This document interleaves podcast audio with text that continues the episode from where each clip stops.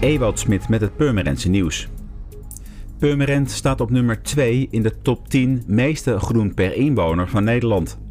Alleen Amstelveen staat nog boven de stad.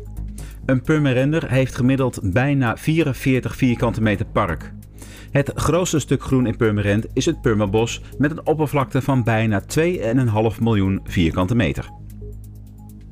Radio-dj Rob van Zomeren houdt zaterdag 25 mei samen met het Rode Kruis de landelijke zomertijd reanimatiedag.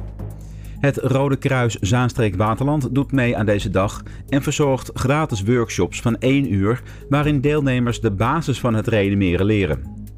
De workshop wordt gegeven aan de Waterlandlaan 101 in Purmerend en vindt meerdere keren plaats tussen 12 uur en 4 uur s middags. Inschrijven kan via radio10.nl slash reanimatiedag en in Purmerend kunnen 80 deelnemers meedoen. Tijdens de Nationale Vogelweek gaat IVN Waterland op zondag 19 mei extra vroeg op pad in het natuurlijk deel van het Purmerbos.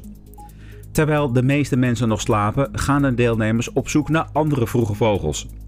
Er wordt om 6 uur ochtends gestart bij de parkeerplaats De S aan de Westerweg in Purmerend. Aanmelden kan via www.vogelweek.nl. En voor meer nieuws, kijk of luister je natuurlijk naar RTV Purmerend. Volg je onze socials of ga je naar rtvpurmerend.nl.